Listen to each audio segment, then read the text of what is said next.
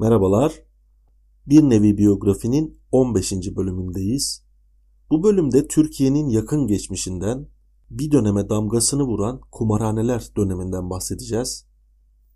Kulağa garip gelse de inanması zor olsa da günümüz Türkiye ikliminde hayali bile hayal olsa da kumarhane ve kasinolar bir zamanlar ülkemizde serbestti.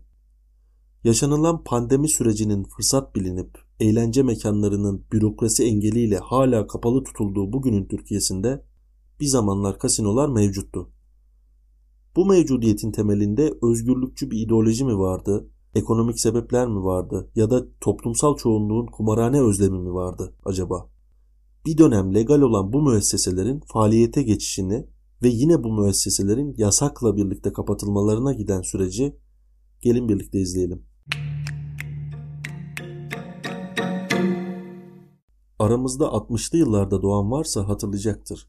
Benim gibi yaşı yetmeyenler de babasından veya dedelerinden duymuştur. Türkiye'de bir dönem döviz bulundurmak ve kullanmak yasaktı. Döviz bulundurmak yasak olduğu gibi dövizle alınan ürünleri bulundurmak da yasaktı. Ülkedeki 78 krizinin sebebi de döviz kıtlığıydı. Bunu aşmak için yerli üretime ağırlık verilmişti fakat üretimde kullanılan makineler dışarıdan alınıyordu. Dolayısıyla her halükarda döviz çıkışı oluyordu ülkeden. O dönemki ihracatımızın azlığını şöyle anlatır bazı kaynaklar. O kadar azdı ki ihracat, Almanya'ya çalışmaya gidenlerin ailelerine gönderdiği paralar ihracat getirilerinden daha fazlaydı. Şimdi buraya kadar anlattıklarımda e, bunun kumarla alakası ne demeniz olası. Bu dönem bu krizden çıkma yolu olarak iki çözüm ileri sürüldü. Birincisi üreticinin davranışını değiştirmek ve ihracata yönelik üretim yaptırmak. İkincisi ise ülkeye bol bol turist çekmekti. Bu iki yöntem de ülkeye döviz getirmek için makul yollardı. Turizm açısından kumarhaneler işte bu noktada devreye girdi. Mantık şuydu. Kumarhane açarsak paralı ve kumarbaz turistler Türkiye'ye gelecektir. Fakat iş bununla bitmiyordu. Bu adımın toplumda yaratacağı tepki ve dolayısıyla iktidara yansıyacak olumsuz etkileri de olacaktı. Turist döviz getirir, ahlak götürür anlayışını değiştirmek icap ediyordu ama bu da bir günde olacak iş değildi tabii ki. Bu süreçte makul görülen ilk adım kumarhaneler daha önce hiç kullanılmamış Akdeniz ve Ege koylarına 5 yıldızlı otellerin içine açılacaktı. Kumar, deniz ve para. Yakın doğuda bir Monte Carlo. Bu fikir 1983 yılında turizmin teşviki kanunuyla devreye sokuldu. İlk başta sadece yabancı turistlere açık olması planlandı. Ancak Anayasa Mahkemesi bu planı bozdu.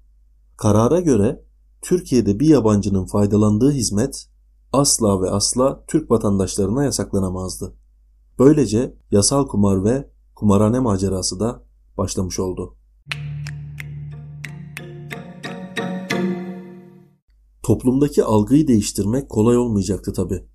Medyanın da sürecin peşini bırakmaması işleri hayli zorlaştırmıştı. Bu süreçte gazeteci Uğur Dündar gazete yazılarının yanı sıra bir belgeselle de kumarda varını yoğunu yitirenleri haberleştirdi. Bu yayınlarıyla kumara karşı sağlam bir kamuoyu oluşturmuştu Dündar. Oluşan kamuoyuna cevaben dönemin başbakanı Turgut Özal bir açıklama yaptı. Türkiye'de liberalleşmenin ve özel teşebbüsün lokomotifi diyebileceğimiz Özal şöyle demişti. Kumarın artması zenginliğin işaretidir. Kendisinin zengine ve zenginliğe karşı diğer övgülerini de arşivlerde bulabiliriz. Kumar aile için yıkıcı mı yoksa ülke için faydalı mı tartışmaları 1996 yılına kadar aynı tempoyla sürdü. Ancak 1 Ağustos 1996'da yaşanan bir suikast her şeyi kumarhanelerin aleyhine değiştirdi adeta. Zamanın emperyal kazinoları zincirinin sahibi Ömer Lütfi Topal gece evine dönerken arabası taranarak öldürüldü. O günden sonra kumarhaneler mafya, kara para ve eroin ticaretiyle anılmaya başladı. Bu cinayet üstüne oluşan kamuoyu ve siyasi irade sadece 14 gün sonra kumarhanelerin faaliyetini bir genelgeyle durdurdu. Refah Partisi zaten mitinglerinde adil düzen, İslami ekonomi ve faizsiz kalkınma diskuruyla puanları toplamıştı ve %21.4'lük oy oranıyla birinci parti olarak galip gelmişti. Bir senelik vesayet sıkıntılarından sonra 1996'da hükümetlerini kurmuştu. Erbakan'ın o zamanki baş danışmanlarından Profesör Doktor Osman Altun rivayetlerine göre Erbakan'ın ben halkıma haram parayı hizmet olarak sunamam dediği de söylenir. Ama bu kapatma sadece bir siyasi iradenin kararıyla olmadı. Neredeyse bütün meclis, halk ve medya kumarhanelerin kapanması yönünde tavır sergiliyordu.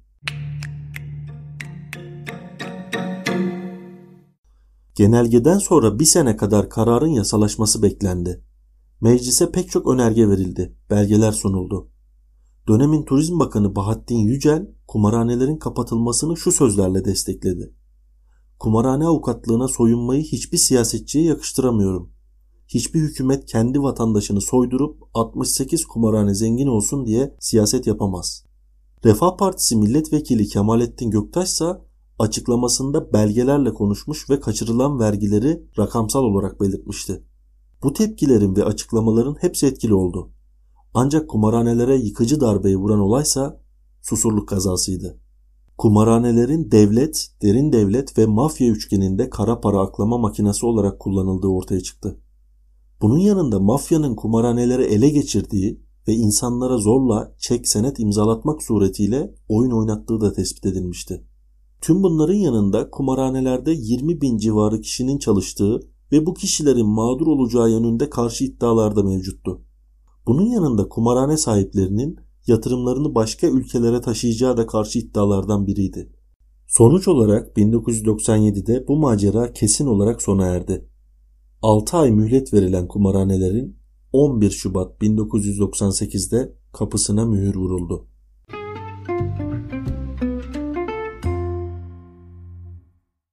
Tarihte bugün Ana ve Benim Üniversitelerim gibi başyapıtların yazarı Rus romancı Maxim Gorki 18 Haziran 1936'da hayatını kaybetti.